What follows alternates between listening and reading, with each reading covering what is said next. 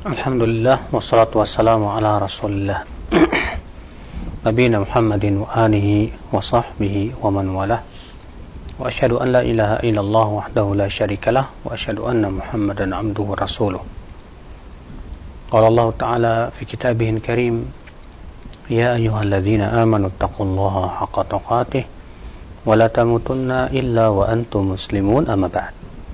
Kita lanjutkan kitab Rawdatul Uqala ذكر الحث على على لزوم الرفق في أمور وكراهية العجلة فيها itu anjuran untuk senantiasa bersikap lembut ya dalam segala macam perkara dan e, makruhnya atau dibencinya sikap tergesa-gesa.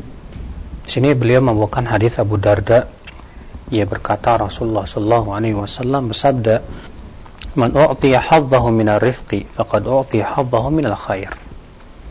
Wa man muni'a haddahu min ar-rifqi faqad muni'a haddahu min al-khair. Siapa yang diberikan bagian dari kelembutan sungguh ia telah diberikan bagian dari kebaikan. Dan siapa yang tercegah bagiannya dari sifat lemah lembut maka ia telah tercegah bagiannya dari kebaikan. Ya. Namun di dalam sanatnya ada perawi yang majhul yang bernama Ya'la bin Mamlak. Akan tetapi hadis ini diriwayatkan uh, dalam hadis-hadis yang lainnya yang semakna. Yang di antaranya hadis Nabi sallallahu alaihi wasallam, "Arifqu la yakunu fi syai'in illa zanahu wa la yunza'u min syai'in illa sya'ana." Ya kata Rasulullah SAW lemah lembut itu tidaklah ada pada sesuatu kecuali akan menghiasinya.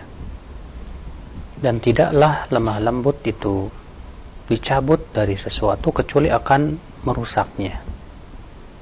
Karena sifat lemah, lembut itu ya disukai oleh tabiat manusia. Semua manusia menyukai sifat lemah lembut. Oleh karena itulah Allah Subhanahu wa taala ketika memerintahkan Nabi Musa dan Nabi Harun untuk menasihati Firaun Allah memerintahkan keduanya untuk menasihati Firaun dengan lembut. Allah berfirman idhaba ila fir'auna innahu tagha. Faqula lahu qawlan layyina la'allahu yatadhakkaru aw yakhsha. Pergilah kalian berdua kepada Firaun. Sesungguhnya Firaun itu tagha ya apa namanya? E, melampaui batas. Aku lahu qawlan layyina dan ucapkan kepada keduanya dengan ucapan yang lemah lembut. La'allahu yatadzakkaru aw yakhsha. Mudah-mudahan ia mau ingat atau takut. Kata beliau al-wajibu al-aqil luzumur rifqi fil umuri kulliha. Kewajiban orang yang berakal adalah berpegang kepada sifat lembut dalam segala macam perkara. Watarkul ajalah wal khiffah fiha dan tinggalkan sifat ketergesa-gesaan. Ya tergesa-gesa. Ya, dalam segala macam perkara.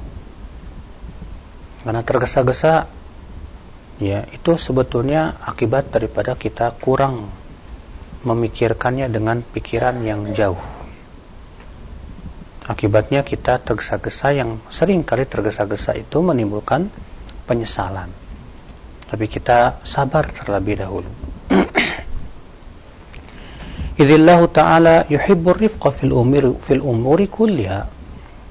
Karena Allah Subhanahu wa taala mencintai sifat lembut itu pada segala macam perkara. Ini sebagaimana disebutkan dalam hadis Rasulullah sallallahu alaihi wasallam bersabda ya Inna Allah apa namanya rafiqun yuhibbur rifq. Allah itu rafiq yuhibbur rifq. Allah itu lembut dan cinta sifat lembut. Waman muni'a rifqu Waman muni'a rifqa muni'a al khair Siapa yang tercegah dari sifat lembut Ia tercegah dari kebaikan. Sebagaimana orang yang diberikan oleh Allah sifat lembut Ia akan ia diberikan kebaikan. Wala yakadul mar'u yatamakkan min bughyatihi fi suluki qasdihi fi syai'in min al-asya' al-hasbi alladhi yuhibbu illa bimuqaranati rifq wa muqaranati al-ajalah dan seseorang tidak mungkin kata beliau mendapatkan apa yang ia inginkan. Ya.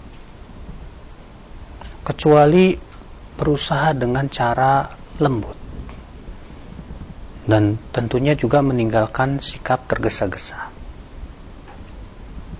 Ya, karena terkadang karena kita tergesa-gesa akhirnya setelah itu menyesal. Dan itu sering kali terjadi. Makanya sebelum bersikap ya kita pikirkan dulu baik-baik. Kita musyawarah dengan orang-orang yang punya pengalaman. Baru kemudian kita lakukan setelah kita ya istikharah kepada Allah Subhanahu wa taala. Mansur bin Muhammad Al-Quraizi berkata, "Ar-rifqu aymanu syai'in anta tatba'u wal kharqu ash'amu syai'in biqad bi, yuqdimu rijla." Kata beliau, sifat lembut itu sesuatu yang berkah pada sesuatu jika kamu mempunyai sifat tersebut. Ya. Sedangkan kebodohan itu sesuatu yang sering kali menimbulkan kesialan, kata beliau. Ketika ya seseorang yang berani melakukan sesuatu dengan kebodohan, dengan ketergesa-gesaan, ya tidak berusaha untuk apa namanya melihat pada pandangan yang jauh. Wadut tathabuti min hamdin ila dhafar man yarkabu rifqa la yastahqibu zalala dan orang yang tasabut tasabut itu selalu ya cross check ya sebelum ia melakukan sesuatu ia betul-betul cross check dulu kira-kira sikapnya itu tepat atau tidak. Maka ia sering kali mendapatkan ya sesuatu yang terpuji kabur rifqa ya dan orang yang mempunyai sifat lemah lembut kata beliau maka dia hampir-hampir tidak akan jatuh kepada kesalahan. Al-aqilu yalzamu rifqa fil awqati wal i'tidal fil halat. Orang yang berakal mempunyai sifat lembut dalam beberapa waktu dan sikap biasa ya pada waktu-waktu tertentu juga. Lianna ziyadata 'ala al-miqdar fil mubtagha aibun kama anna nuqsan fima yajibu min al-matlabi ajzun karena kata beliau melebihi ukuran yang seharusnya. Itu itu juga celah. Sebagaimana kurang dari ukuran seharusnya itu menunjukkan akan kelemahan. Artinya lembut itu terkadang kalau berlebihan juga tidak bagus. Sebagaimana ya lembut itu apabila kurang pun juga ya apa namanya tidak memberikan efek.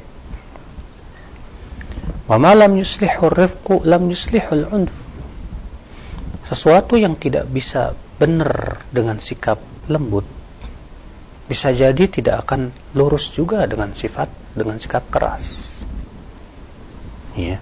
Walaupun ini tidak secara mutlak demikian. Karena setiap ada sebagian orang kalau dilembutin dia malah melunjak tapi kalau dikerasin baru dia kemudian ya berubah. Ikhwatul islam azani Allah wa iyyakum. Wa min ar-rifqi yakunu al-ihtiraz wa fil ihtiraz turja salama. Sifat lembut itu mengharuskan berhati-hati ya, sehingga ketika dia berhati-hati diharapkan di situ keselamatan afi tarki rifqi yakunur khurqu afi luzumil khurqi takhaful halakah ya ketika seseorang meninggalkan sifat lembut, di situlah menunjukkan kebodohan dia. Di saat seseorang dia itu bodoh, di situlah ia akan binasa. Ya. Al-Abrash berkata, "Alaika biwajhil qasdi fasluk sabila." Hendaklah kamu bersikap seimbang, apa tengah-tengah, dia tidak berlebihan dan tidak kurang. Wa fil jawri ihlakun wa fil qasdi maslak. Karena sikap berlebihan itu membinasakan. Tapi kalau tengah-tengah maka itu adalah sikap yang baik. Id anta lam ta'rif li nafsika qadraha tuhammiluha ma la tutiqu fatahlik. Karena kata beliau kamu tidak mengetahui ya kadar dirimu. Yang kamu bisa membawanya apa-apa yang kamu tidak bisa mampu untuk membawanya. Akhirnya kamu binasa. Ya, artinya dengan kita apa kalau kita tidak bersikap lemah lembut sering kali itu menyebabkan kita akhirnya binasa kata beliau arifku la yakadu yusbak kama anna al-ajila la yakadu yulhaq. Ya sifat lembut itu kata beliau hampir tidak bisa ditandingi dengan apa pun juga. Sebagaimana sifat uh, ketergesa-gesaan. Ya demikian pula sering kali mencelakakan. Wa kama anna man sakata la yakadu yandam kadzalika man nataqa la yakadu yaslam sebagaimana orang yang diam hampir-hampir tidak akan menyesal sebagai sebagaimana orang yang berbicara hampir-hampir tidak selamat. Ya, artinya kata beliau orang yang diam ya untuk berpikir ke depan hampir-hampir dia tidak akan apa namanya uh, menyesal atas sikapnya tersebut. Beda dengan orang yang mudah berbicara.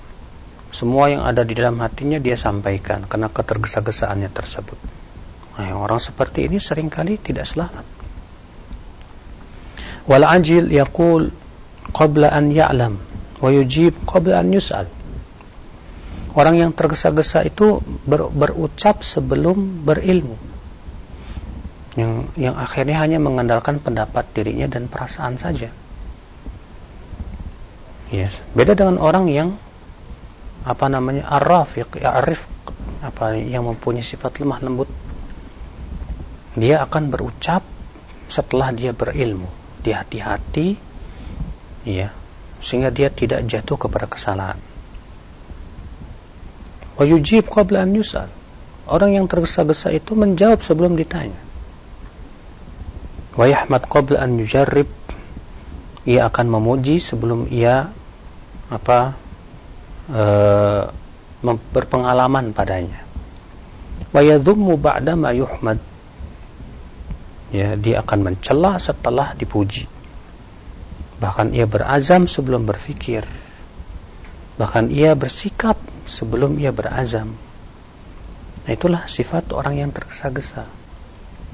Karena orang tergesa-gesa itu biasanya akan mengandalkan perasaan bukan pikiran ya beda dengan orang yang lembut dia tidak akan ya mengandalkan perasaan tapi ia akan berpikir jauh ke depan kira-kira apakah yang akan ia tulis atau yang ia akan ucapkan atau sikap-sikapnya itu akan malah menimbulkan penyesalan atau tidak. Oleh karena itu kata beliau wal ajil tashabuhun nadamah wa ta'tazilu salamah. Orang yang tergesa-gesa itu sering kali ya menyesal. Dan orang yang tergesa-gesa itu sering kali jauh dari keselamatan. Ikhwata Islam, azani Allah wa yakum. Al-ajalatu takunu minal hiddah. Sikap tergesa-gesa itu biasanya karena ada sifat al-hiddah. Al-hiddah itu artinya kasar, keras. Ya. Wa sahibul ajalah in asaba fursatahu lam yakun mahmudan wa in akhtaaha kana madmuman. Orang yang tergesa-gesa, walaupun ternyata sikapnya benar, tetap saja tidak terpuji karena tergesa-gesaan tersebut. Dan kalau ternyata tidak mendapatkan atau ia jatuh kepada kesalahan, malah tercela. Wal ajil la yasiru illa munakiban lil qasdi munharifan anil jaddah yaltamisu ma huwa ankad wa aw'ar wa akhfa masaran yahkumu hukmal wa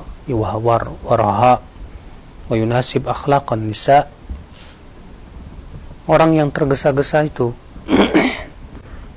hakikatnya dia melalui jalan yang terjal. Ya dan bengkok tidak lurus dia hakikatnya mencari jalan yang sulit. Ya dan dia mirip dengan wanita. Kenapa? Karena wanita itu lebih banyak perasaan dibandingkan akal. Ya seorang wanita sering kali berbicara dengan perasaan bukan dengan akal. Kecuali yang Allah rahmati tentunya. Beda dengan laki-laki seharusnya. Tapi kalau ada laki-laki yang ternyata setiap ada kekesalan di hatinya langsung dia tumpahkan di Twitter atau di Facebook dan yang lainnya. Setiap dia tidak suka sama orang langsung dia tumpahkan, dia kritik. Setiap ah pokoknya semua yang ada di hatinya langsung dia muntahkan. Ini mirip dengan wanita. Iya. Kenapa? Karena orang ini tidak berpikir jauh ke depan. Kira-kira apa yang ia tulis tersebut apa manfaatnya? Ya Jangan sampai kemudian gara-gara dia malah timbul fitnah dan yang lainnya. Akhirnya dia menyesal. Kalau nggak di dunia, di akhirat. Ikhwata Islam. Makanya sifat uh, seperti ini hanyalah diberikan oleh oleh oleh, oleh Allah kepada orang-orang yang menggunakan akal pikirannya. Sifat seperti ini tidak ditentukan oleh apa namanya detail. Ya, detail setinggi apa pun juga kalau dia tidak punya sifat seperti ini sering kali tergesa-gesa. Akhirnya berbicara di dunia sosial yang berakibat akhirnya malah timbul fitnah dan yang lainnya. Al-ajalatu muwakkalun bihan nadam wa ma'ajila ahadun illa iktasaba nadamatan wastafada madammatan. Ketergesa-gesaan itu menyebabkan apa? Keter penyesalan dan pasti hasil akhirnya sering kali menyesal. Zalal ma'al ajal. Karena kesalahan itu sering kali menghiasi ketergesa-gesaan. Wal iqdam al-amal ba'da fi ahzam min al-imsak anhu ba'da al-iqdam 'alayh dan seseorang yang berani bersikap setelah ia berhati-hati itu biasanya lebih lurus ya lebih bagus dan lebih kuat daripada orang yang tergesa-gesa padanya. Nah ini akal Islam azani Allah wa ya, sikap atau sifat daripada arifku sifat lembut ya di mana kelembutan itu tanda rahmat. Rumah tangga yang dirahmati oleh Allah itu adalah rumah tangga yang dihiasi dengan kelemah lembutan kata Rasulullah SAW idza arada Allahu bi ahli baitin khairan adkhala rifq. Apabila Allah menginginkan kebaikan kepada sebuah rumah tangga maka Allah akan masukkan kepada mereka sifat lemah lembut. Suami yang lembut kepada istri istri juga lembut kepada suami. Mereka tidak dikuasai oleh sifat ketergesa-gesaan tidak pula sikap kasar keras dan yang lainnya maka itu sebuah rumah tangga yang diinginkan kebaikan oleh Allah Subhanahu wa taala. Kemudian kita masuk kepada zikrul hath ala ta'allumil adab wa luzumil fasahah. Anjuran untuk mempelajari adab. Ya, dan fasih dalam berbicara. Fasih maksudnya yaitu jelas dalam berbicara. Fasih bukan artinya ngomongnya itu dibuat-buat ya. Orang yang ngomongnya dibuat-buat biar kelihatan fasih ini hakikatnya yang disebut dalam hadis al-mutasyaddiq ya fil kalam. Yang dia itu berbicaranya dibuat-buat. Tapi yang dimaksud dengan fasih di sini tuh kalau berbicara jelas terang orang semua faham ya dari Ibnu Umar semoga Allah meridainya ia berkata Rasulullah sallallahu alaihi wasallam bersabda inna minal bayani la sihra. Sesungguhnya di antara penjelasan itu bisa menyihir. Artinya terkadang ada orang ketika bicara membuat audiennya itu seakan-akan tersihir, terhipnotis karena bagusnya ia dalam retorika dan cara penyampaian sehingga membawa hati mereka. Kata beliau qad syabbaha Rasulullah SAW fi hadzal khabar al-bayan bis-sihr. Idh sahir yastamilu qalban nadhir ilaihi bis-sihrihi.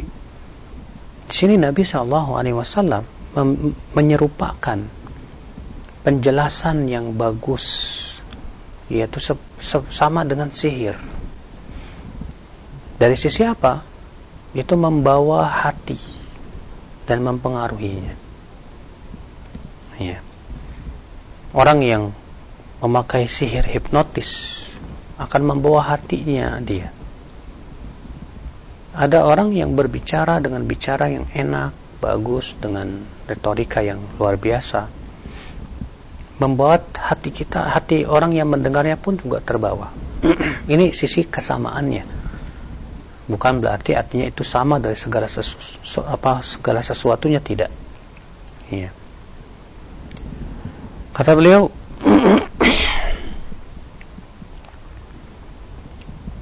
wal fasihu dzarab al-lisan yastamilu quluban nas ilahi bihusni fasahatihi wa nudhumi kalamihi fal anfus takunu ilaihi ta'iqah wal a'yun ilaihi ramiqah. Orang yang bicaranya fasih itu bisa membawa hati manusia karena kefasihannya tersebut dan untayan katanya yang membuat orang terkagum. Dan biasanya jiwa akan menjadi apa namanya ya ta'iqah wal ayun ilai ramiqah.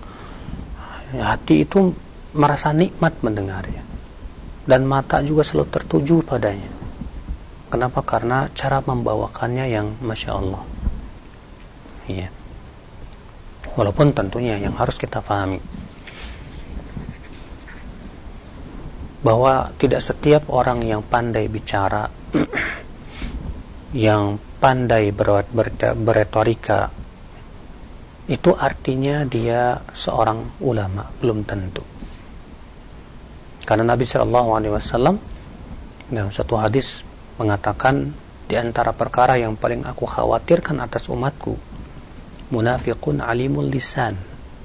Orang munafik tapi lisannya fasih ya cara bicaranya itu menyihir. Tapi dia munafik. Akhirnya menipu. Maka dari itu seorang penuntut ilmu jangan tertipu oleh sebatas retorika. Penuntut ilmu itu harus bisa membedakan seseorang itu ulama atau bukan bukan dari retorikanya tapi dari keilmuannya. Ya dari keilmiahannya itu yang harus kita ambil karena kalau beda dengan orang-orang yang awam, orang yang awam terkadang hanya sebatas melihat dari sisi retorika saja, kepandaian dalam bicara itu saja. Iya. Akhirnya apa? Akhirnya mereka terbawa oleh hal-hal seperti itu. Beda dengan penuntut ilmu, penuntut ilmu mereka tidak tertipu dengan retorika tentunya, akan tetapi mereka betul-betul bisa melihat dengan akal dan keilmuan siapa yang sebetulnya ulama atau bukan. Al-fasahatu ahsanu libas. Yalbasuhu rajul wa ahsanu izarin yattajiru bihil aqil. Namun tentunya ya, kefasihan di dalam berbicara itu pakaian yang paling bagus. Artinya seorang alim ulama apabila dia punya lisan yang fasih dan retorika yang bagus itu lebih bagus lagi. Kenapa? Karena ia memiliki ilmu yang dalam, yang kuat. Kalau orang yang bodoh saja dengan retorikanya yang bagus, cara bicara yang bagus, banyak penyihir, banyak manusia. Bagaimana kalau apabila ia seorang alim ulama yang ilmunya sangat luas sekali? Tentu itu lebih indah lagi. Ikhwata Islam azani Allah wa Kata beliau, wa ahsanu izarin yattaziru bil aqil. Kefasihan itu adalah merupakan sarung yang paling bagus yang dipakai oleh seorang yang berakal. Wal adabu sahibun fil ghurbah wa mu'nisun fil qillah wa rif'atun fil majalis. Sementara adab yang baik itu bagaikan teman dalam kesepian ya demikian pula kemuliaan dalam majelis wa zainun fil mahafil. Demikian pula hiasan. Ya dalam berbagai macam kesempatan. Wa ziyadatun fil aqal bahkan menambah akal seseorang. Wa dalilun al muruah dan menunjukkan akan akhlak. Ya karena adab itu ya akhi adalah sikap yang menunjukkan akan ketinggian akhlak dan jiwa ketika adab seseorang itu bagus baik sikapnya masya Allah akhlaknya luar biasa itu menunjukkan akan ketinggian ya jiwa seseorang dan kemuliaannya. Wa man istafada al-adab fi hadatsatihi intafa'a bihi fi fi fi kibarihi. Siapa yang mengambil faidah adab di saat mudanya dia akan mengambil manfaat apalagi nanti di saat tuanya lianna man gharasa ya fasilan yushik an yakula rutabaha. Karena orang yang menanam biji kelak ia akan men, apa namanya merasakan hasil dan buahnya. Maka dari itu ya kita para pemuda sering kali terkena penyakit tergesa-gesa. Seringkali terkena penyakit tertipu dengan banyaknya ilmu. Ya semangat kita di dalam apa namanya sunnah ataupun dalam segala macam perkara sering kali menimbulkan ketergesa-gesaan. Ini dalam bicara di Facebook dan yang lainnya. Terkadang ya para penuntut ilmu yang masih muda mereka bersangat semangat akhirnya apa yang terjadi yang tujuannya mungkin bagus ya tapi ternyata karena ia tidak pernah berpikir dengan jauh dan panjang dan keilmuan yang dalam akhirnya malah menimbulkan fitnah. Dan ini tentunya tidak sangat sangat ya tidak dibenarkan. Maka dari itu kita sebagai para pemuda berusaha untuk mempunyai sifat hati-hati. Dan itu harus kita tanamkan dapat pada jiwa-jiwa kita. Ya. Supaya apa? Supaya kita bisa mendapatkan hasil yang kelak di, di masa tua kata beliau di sini ikhwat Islam azani Allah wa Muhammad bin Abdullah al-Baghdadi berkata ayuhat talibu fakhran bin nasab innama nasu li ummin wa li ab hal tarahum khuliqu min fiddah أو حديد أو نحاس أو ذهب أو ترى فضلهم في خلقهم هل سوى لحم وعظم وعصب Innamal fadlu bihilmin rajihin wa bi akhlaqin kiramin wa adab. Dzaka man fakhara fin nasi bih faqa man fakhara minhum wa ghalab. Hai kamu yang mencari ya apa namanya kebanggaan dengan nasab. Sesungguhnya manusia itu pasti memiliki ayah dan ibu.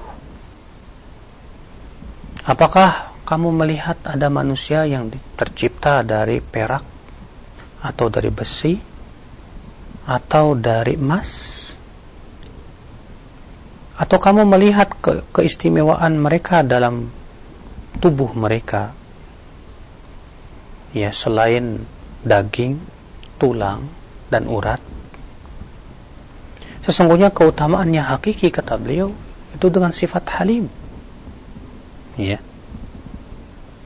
Dan juga dengan akhlak yang mulia serta adab. Yang demikian itu orang yang berbangga di ya, pada manusia dengannya. Ya. Maka siapa yang berbangga dengan selain itu, ia akan kalah. Artinya, ya kamu itu berbangga dengan nasab semua orang juga punya nasab kok semuanya nasabnya sama masuk ke ya sama-sama anak Adam artinya kalau kamu punya nasab darah biru dia bukan darah biru. Memang kalau darah biru dengan darah yang lainnya beda ya. Dalam artian kalau darah biru itu kulitnya terbuat dari emas ya dari perak. Enggak. Semua manusia sama kok. Ya isinya daging, tulang, urat. Jadi buat apa dibanggakan hal-hal seperti itu kata beliau. Jadi yang seharusnya keutamaan itu keistimewaan itu yang seperti apa kata beliau? Kata beliau keistimewaan yang hakiki itu ya dengan sifat dengan sifat-sifat yang mulia akhlak yang tinggi, adab yang luar biasa. Nah, itu yang seharusnya kita ya betul-betul perhatikan. Ikhwata Islam, azani Allah wa. Inilah ya perkara-perkara yang mudah-mudahan kita semua bisa berusaha mengamalkan dalam kehidupan kita. Ya, Allah a'lam. Nah. Baik, eh, syukur kepada Ustaz yang sudah memberikan penjelasan yang sangat bermanfaat sekali dari eh, penjelasan kitab Rodatul Uqala wa Nusahatul Fudola. Dua bab telah kita simak bersama, itu bab untuk anjuran bersikap lemah lembut dalam setiap perkara, juga anjuran untuk mempelajari adab dan jelas dalam berbicara. Yang mudah-mudahan faedah yang banyak kita dapatkan di kesempatan pagi hari ini. Baik untuk selanjutnya kita buka sesi interaktif, sesi soal jawab. Bagi Anda para pemirsa ataupun pendengar yang memiliki pertanyaan seputar pembahasan kita, silakan Anda bisa menghubungi kami di layanan telepon di 0218230543 dan di layanan pesan singkat di 0819896543. Baik, kesempatan pertama silakan. Iya, Waalaikumsalam warahmatullahi wabarakatuh. Dengan siapa di mana? Dengan hamba Allah. Di mana? Saya mau bertanya Pak Ustadz. Uh, ada di sana ada seorang ahwat. Dia itu berwaspada. Uh, kalau misalnya ya biar agar suaminya itu tidak dilirik ke mana ngelirik ke mana-mana, dia agresif ke suaminya sampai dia uh, sampai ada wanita yang mau duduk di sebelah suaminya dia larang. Cuma kan itu kan karena bukan mahram emang harus dilarang kan Pak Ustadz. Cuma ada orang yang berkata sedangkan di angkot aja orang duduk bersampingan. Nah itu. Jadi gimana Pak Ustadz penjelasannya? Apakah itu sikapnya seperti itu tidak baik untuk seorang wanita tersebut kepada suaminya? Ya, uh, karena dia merasa uh, sangat menyayangi suami tersebut Pak Ustadz. Hmm, cukup ya. Baik. Mohon penjelasannya Pak Ustadz. Assalamualaikum. Assalamualaikum warahmatullahi wabarakatuh. Assalamualaikum warahmatullahi wabarakatuh. Cemburu, ya, itu bagus dalam kebaikan. Artinya, ya ketika seorang istri cemburu kepada seorang kepada suaminya, sehingga berusaha untuk menjaga suaminya dari perkara-perkara yang ter, terlarang dalam syariat. Ya, seperti kalau dia melihat suaminya duduk di sampingnya wanita yang bukan mahram. Dia cemburu. Itu cemburu yang baik. Ya karena walaupun misalnya diangkut tetap kita berusaha untuk menghindar. Selama masih ada selain angkot ya kita usahakan yang lain. Tapi kalau ternyata adanya cuma angkot ya kita berusaha tetap. Kecuali kalau memang sulit untuk menghindar ya jadi dari itu kalau misalnya seorang istri berusaha bagaimana caranya menghindarkan suami dari melihat yang haram dan yang lainnya itu bagus. Dan seperti ini istri yang membantu suami dalam menaati Allah. Tapi juga kalau ternyata cemburu itu malah berlebihan. Sehingga kecemburuan itu sering kali menimbulkan dugaan-dugaan buruk Kecemburuan itu menyebabkan akhirnya si suami nggak bebas di dalam berbuat. Akhirnya semua dicemburuin, semua dicurigain. Ini pun juga tidak dibenarkan tentunya. Yang harus kita pahami bahwa seorang wanita yang salihah adalah wanita yang membantu suaminya untuk menaati Allah Subhanahu wa taala. Sebutkan dalam hadis riwayat Imam Ahmad kata Rasulullah lisanun zakir wa qalbun syakir wa zaujah tu'inuhu ala ta'atillah khairu maqtanazatun ma khairu maqtanazahul mar'u au kama qala. Lisan yang pandai ber, berzikir hati yang pandai bersyukur dan istri yang berusaha membantu suaminya untuk menaati Allah maka itu adalah merupakan sebaik-baik simpanan ya untuk kehidupan akhirat. Lihat Nabi Wasallam menyebutkan bahwa sebaik-baik harta simpanan seorang laki-laki ya untuk akhiratnya adalah di antaranya yang ketiga yaitu istri yang membantunya untuk menaati Allah. Maka seorang istri bantulah suami untuk menaati Allah dan agar jauh dari kemaksiatan. Ya namun juga tentunya jangan berlebih-lebihan dalam cemburu. Yang mengakibatkan akhirnya suami pun juga merasa risih dan kesal. Ya Allah a'lam. Nah. Ya, nah baik. Sekarang demikian untuk yang bertanya. Dan selanjutnya yang kedua silahkan kami berikan kesempatan kembali di layanan telepon di 0218236543 silahkan. Iya silahkan. Halo. Nah. Assalamualaikum. Waalaikumsalam warahmatullahi wabarakatuh. Dengan siapa di mana? Dengan hamba Allah di Sumatera, Pak. Silahkan. Dikecilkan terlebih dahulu Ibu volume televisinya. Saya mau tanya Pak Ustaz, ini di dekat rumah di rumah saya ini kan ada ayam, tapi ayam itu tidak dipelihara, dipelihara orang.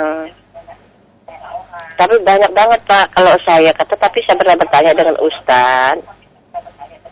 Katanya itu milik Allah, boleh kita ambil katanya. Kalau bisa tidak diambil tuh pasti ada yang ngambil juga. Apa? Karena itu banyak banget ayah dan ada delapan delapan apa delapan delapan ekor pak. Gimana pak hukumnya pak kalau saya ambil? Nah itu pak. Iya baik. Saya assalamualaikum. Assalamualaikum warahmatullahi wabarakatuh. Nah.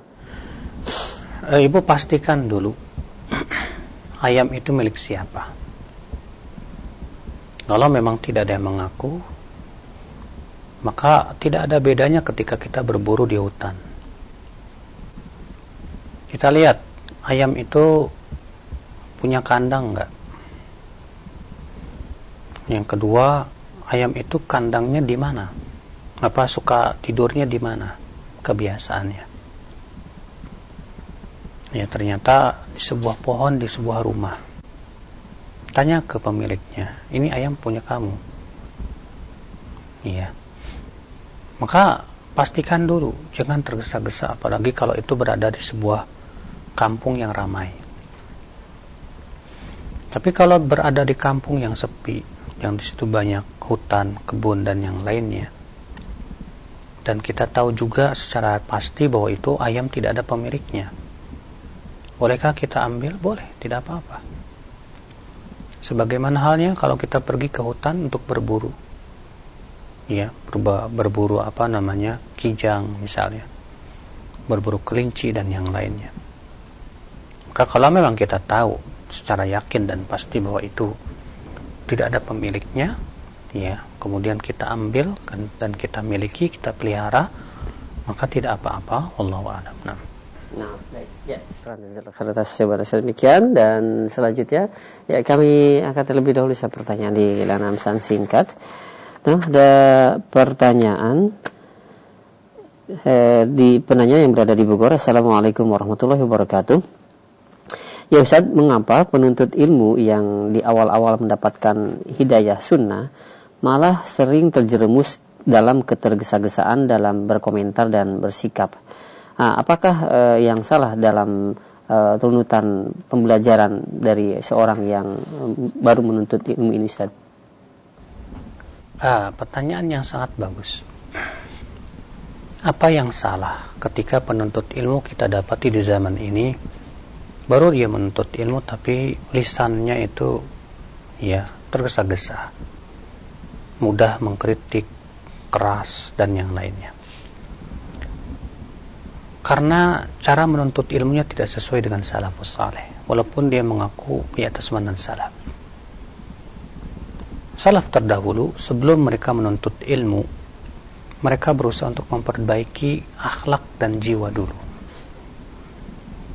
ini dia Muhammad bin Sirin berkata, "Kunna nata'allamul adab, ta'allamtul adab 30 sana." Aku belajar adab itu 30 tahun. Dan aku menuntut ilmu 20 tahun. Sufyan Atsauri berkata, "Kami mempelajari adab sebagaimana mempelajari ilmu." Dan banyak lagi perkataan ulama salaf terdahulu tentang pentingnya akhlak dan adab. Ya, sebelum mereka menuntut ilmu, dan ketika sedang menuntut ilmu. Nah, di zaman ini kita lihat para penuntut ilmu itu kurang dalam mempelajari adab dan akhlak. Kurang mempelajari tentang tazkiyatun nufus. Seringkali akhirnya karena kurangnya pelajaran tentang adab, akhlak dan dia juga berusaha tidak berusaha untuk mempelajari tentang tazkiyatun nufus. Akhirnya muncul sikap ego yang tinggi, ujub dan yang lainnya. Akhirnya apa? Dia baru menuntut ilmu tapi kalau berbicara seperti ustadz besar, ya, mengkritik para alim ulama, para doktor, dan orang-orang yang berilmu. Nah ini, inilah ya kenyataan yang kita hadapi di zaman ini. Kalau mereka dikritik, mereka lebih keras lagi kritikannya. Kenapa? Itulah karena akibat daripada menuntut ilmu tidak didahului dengan belajar akhlak dan adab dalam menuntut ilmu harus disertai dengan adab, dengan akhlak. Itu yang diajarkan oleh salafus saleh. Maka dari itulah para penuntut ilmu, selain Anda menuntut ilmu, Anda juga harus belajar akhlak dan adab dan berusaha untuk mengaplikasikan dalam hidup. Anda harus belajar tentang tazkiyatun nufus, ya pembersihan jiwa. Karena pembersihan jiwa itu sesuatu yang luar biasa sekali manfaatnya untuk kehidupan. Nah, inilah ya sebab utama kenapa para penuntut ilmu di zaman ini lisannya itu luar biasa mengerikan. Ya, fitnah sering kali muncul dari mereka, bukan dari asatidanya. Ya. Bukan dari usat-usat yang telah dalam keilmuannya. Usat-usat yang telah dalam keilmuannya mereka lebih banyak bersikap hati-hati. Alhamdulillah. Tapi masalahnya dari para penuntut ilmu atau orang yang pemuda-pemuda yang kemudian menjadi dai tapi kemudian tidak menghiasi dirinya dengan akhlak dan adab dengan tazkiyatun nufus. Itu sering kali muncul sikap-sikap yang tidak dibenarkan yang sering kali muncul fitnah dan yang lainnya. Akhirnya apa? yang ada perasaan. Ya ketika seorang penuntut ilmu fanatik dengan ucapan seorang ustadz sehingga dia menganggap perkataan ustadz itu bagaikan sebuah wahyu dari langit dia bela mati-matian. Siapa pun yang tidak sejalan dengan ustadznya dia ketik habis. Ya nah inilah akibat daripada apa? Dia tidak pernah belajar akhlak dan adab. Bagaimana adabul khilaf? Bagaimana adab terhadap diri sendiri adab terhadap orang lain adab ya terhadap para ahli ilmu yang lain. Nah, di sinilah saudaraku sekalian.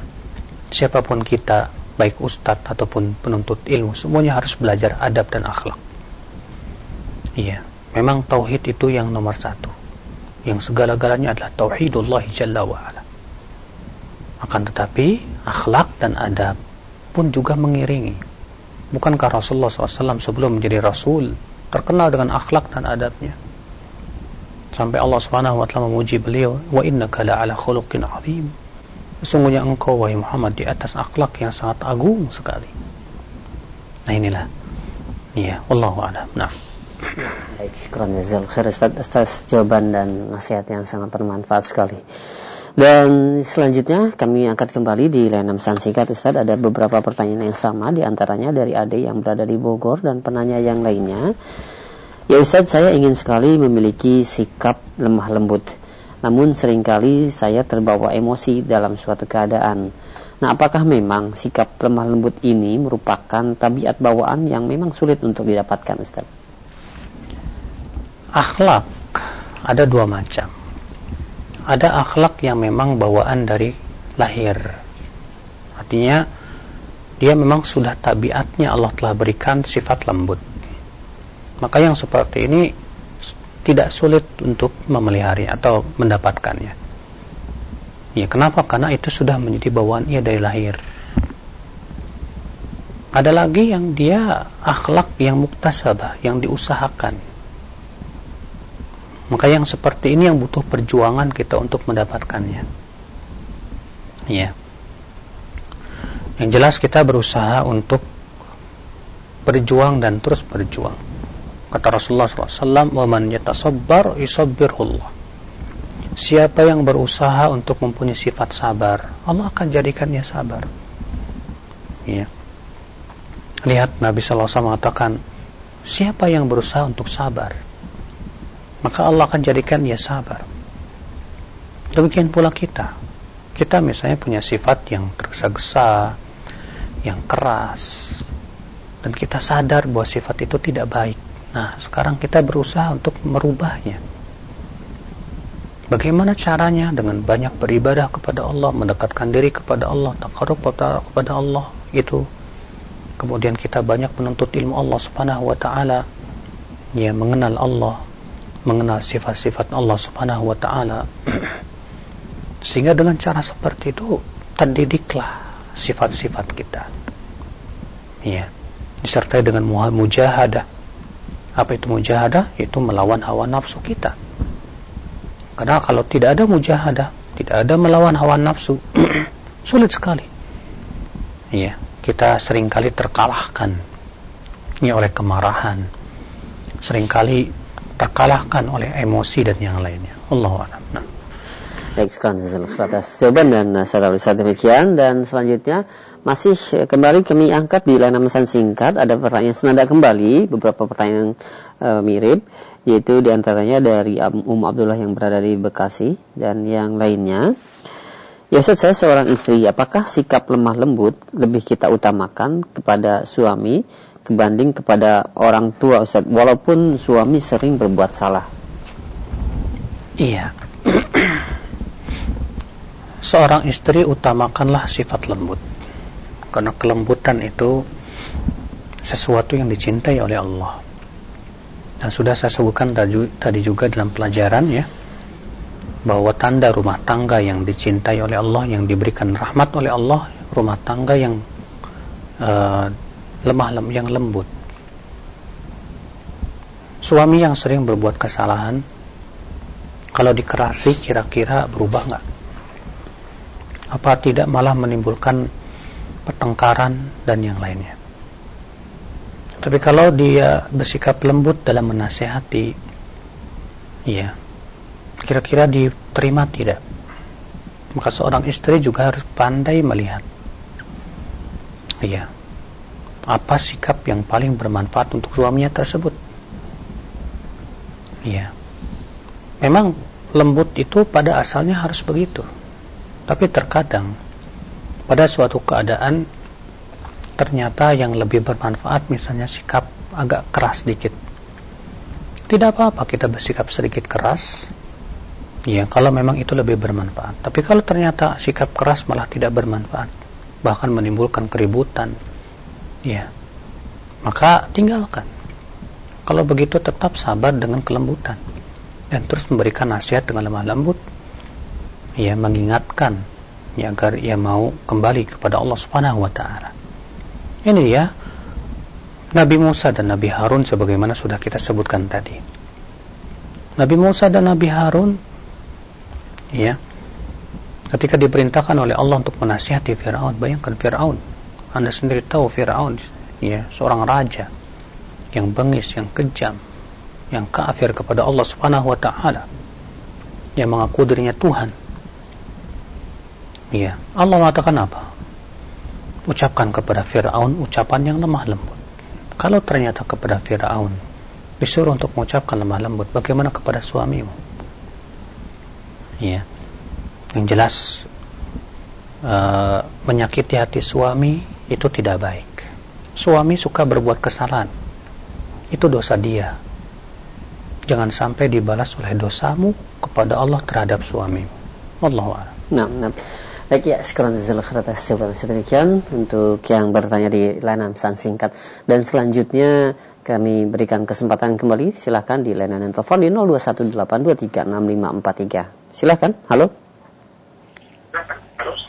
Halo, Assalamualaikum. Waalaikumsalam warahmatullahi wabarakatuh. Dengan siapa di mana? Dari uh, Filiana di situ Bondo. Silahkan. Assalamualaikum, Pak Ustaz. Assalamualaikum uh, ini yang mau tanya gini Ustadz kan ada masjid yang sudah bagus tapi direhab kembali uh, ditambahi dengan apa? Dengan uh, istilahnya bikin tingkat lagi. Sedangkan yang jamaahnya itu nggak ada Ustaz. Ya sedikit cuma itu. Paling enggak lah 20 lah atau kurang dari 20 Ustaz. Sedangkan orang yang menyumbang itu kan mengharapkan pahala besar itu tapi mintanya minta di jalan raya Ustaz. Itu caranya minta amal itu Ustaz. Terus yang mau minta amal itu yang uh, apa? An uangnya itu Ustaz. Uh, kepada para penumpang itu Ustaz. Itu kan apa itu uh, minta gajian Ustaz. Jadi kalau tiap harinya tuh tiga lima tiga puluh lima ribu itu Ustaz. Hmm, uh, itu bagaimana yang minta uh, sumbangan yang seperti itu. Terus masjidnya gimana itu jamaahnya itu sedangkan jamaahnya cuma sedikit. Baik. Yang mengharapkan pahala besar itu bagaimana Ustaz? Mohon penjelasan Ustaz. Syukran. Jazakallah. Assalamualaikum warahmatullahi wabarakatuh. Waalaikumsalam. Rasulullah sallallahu alaihi wasallam sabda man bana lillahi masjidan bana Allahu lahu baitan fil jannah. Siapa yang membangun masjid ya Allah akan bangunkan untuknya sebuah rumah di surga. Mereka yang menyumbang sudah mendapatkan pahala itu. Adapun masjid tersebut jamaah cuma cuma 20. Mudah-mudahan semakin bertambah dan meningkat. Iya. Mudah-mudahan dengan adanya masjid tersebut masyarakat semakin terpanggil ya untuk bisa sholat berjamaah dan memakmurkan masjid.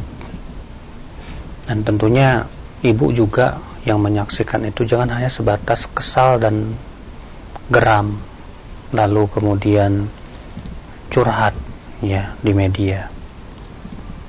Tentu ibu berikan juga masukan kepada DKM yang ada di masjid agar mengunggah menggugah masyarakat untuk supaya lebih memakmurkan masjid. Untuk untuk supaya masyarakat ya semakin rajin kepada masjid. Dan ibu juga harus punya berpikir bukan hanya sebatas mengkritik tapi juga memberikan solusi. Bagaimana caranya ibu juga punya andil terhadap masyarakat yang ada di situ? Ya agar mereka mau memakmurkan masjid. Adapun kemudian masjid itu dibangun menjadi besar ya sementara yang sholat di situ hanya sedikit sekali. Maka hal seperti itu ya mudah-mudahan kita katakan menjadi pemicu masyarakat untuk semakin memakmurkan masjid. Adapun tentang masalah meminta-minta di jalan tentu ini bagusnya sikap yang harus dihindarkan. Karena Islam itu ya'lu kata Rasulullah Islam itu mulia dan tinggi. Jangan sampai gara-gara itu Islam menjadi rendah. Ya. Apalagi kita lihat orang-orang yang minta-minta di jalan pun juga minta digaji. Padahal orang yang menyumbang pasti untuk keperluan masjid bukan untuk menggaji dia. Akhirnya jatuh lagi kepada penyimpangan demi penyimpangan kesalahan demi kesalahan. Maka yang lebih baik ya pas bagian TKM barangkali bisa melayangkan proposalnya kepada orang-orang yang punya kemampuan ya untuk bisa ikut serta dalam membangun masjid. Dan juga tentunya mereka jangan memaksakan diri. Kalau ternyata tidak ada kemampuan ya sudah yang penting masjid yang ada itu dimakmurkan saja terlebih dahulu. Ya kenyataan memang sering kali banyak umat Islam berbangga-bangga dengan megahnya masjid. Akibatnya apa? Ya sebatas masjid yang megah merasa cukup dengan membangun tapi tidak mau untuk memakmurkan. Nah ini yang dikhawatirkan oleh Rasulullah SAW. Kata Rasulullah, "La taqumu hatta yatabahan nasu bil masajid." Tidak akan tegak hari kiamat kata Rasulullah sampai orang-orang akan berbangga-bangga dengan ya masjid. Kata Ibnu Abbas menafsirkan la tuzakhrifunnaha kama zakhrafatil yahud wan nasara. Sungguh kalian akan menghiasinya seperti orang-orang Yahudi dan Nasrani menghiasi ya tempat-tempat ibadah mereka. Nah ini juga tercela tentunya. Ya kalau hanya sebatas untuk berbangga-bangga dengan megahnya masjid dengan mewah masjid maka ini perkara yang dikhawatirkan oleh Rasulullah SAW bahkan itu termasuk tanda hari kiamat Ya Allah alam. Semoga Allah memberikan kepada kita taufiknya, memberikan kepada kita semangat untuk memakmurkan masjid dan memberikan kepada kita semangat untuk mengajak manusia ya agar memakmurkan masjid-masjid Allah Subhanahu wa taala. Wabillahi taufik. Subhanakallah bihamdik. Asyhadu an la ilaha illa anta astaghfiruka wa ilaik. Sallallahu alaihi wasallam. Sallallahu ala nabiyyina Muhammadin wa alihi wa sahbihi wa sallam.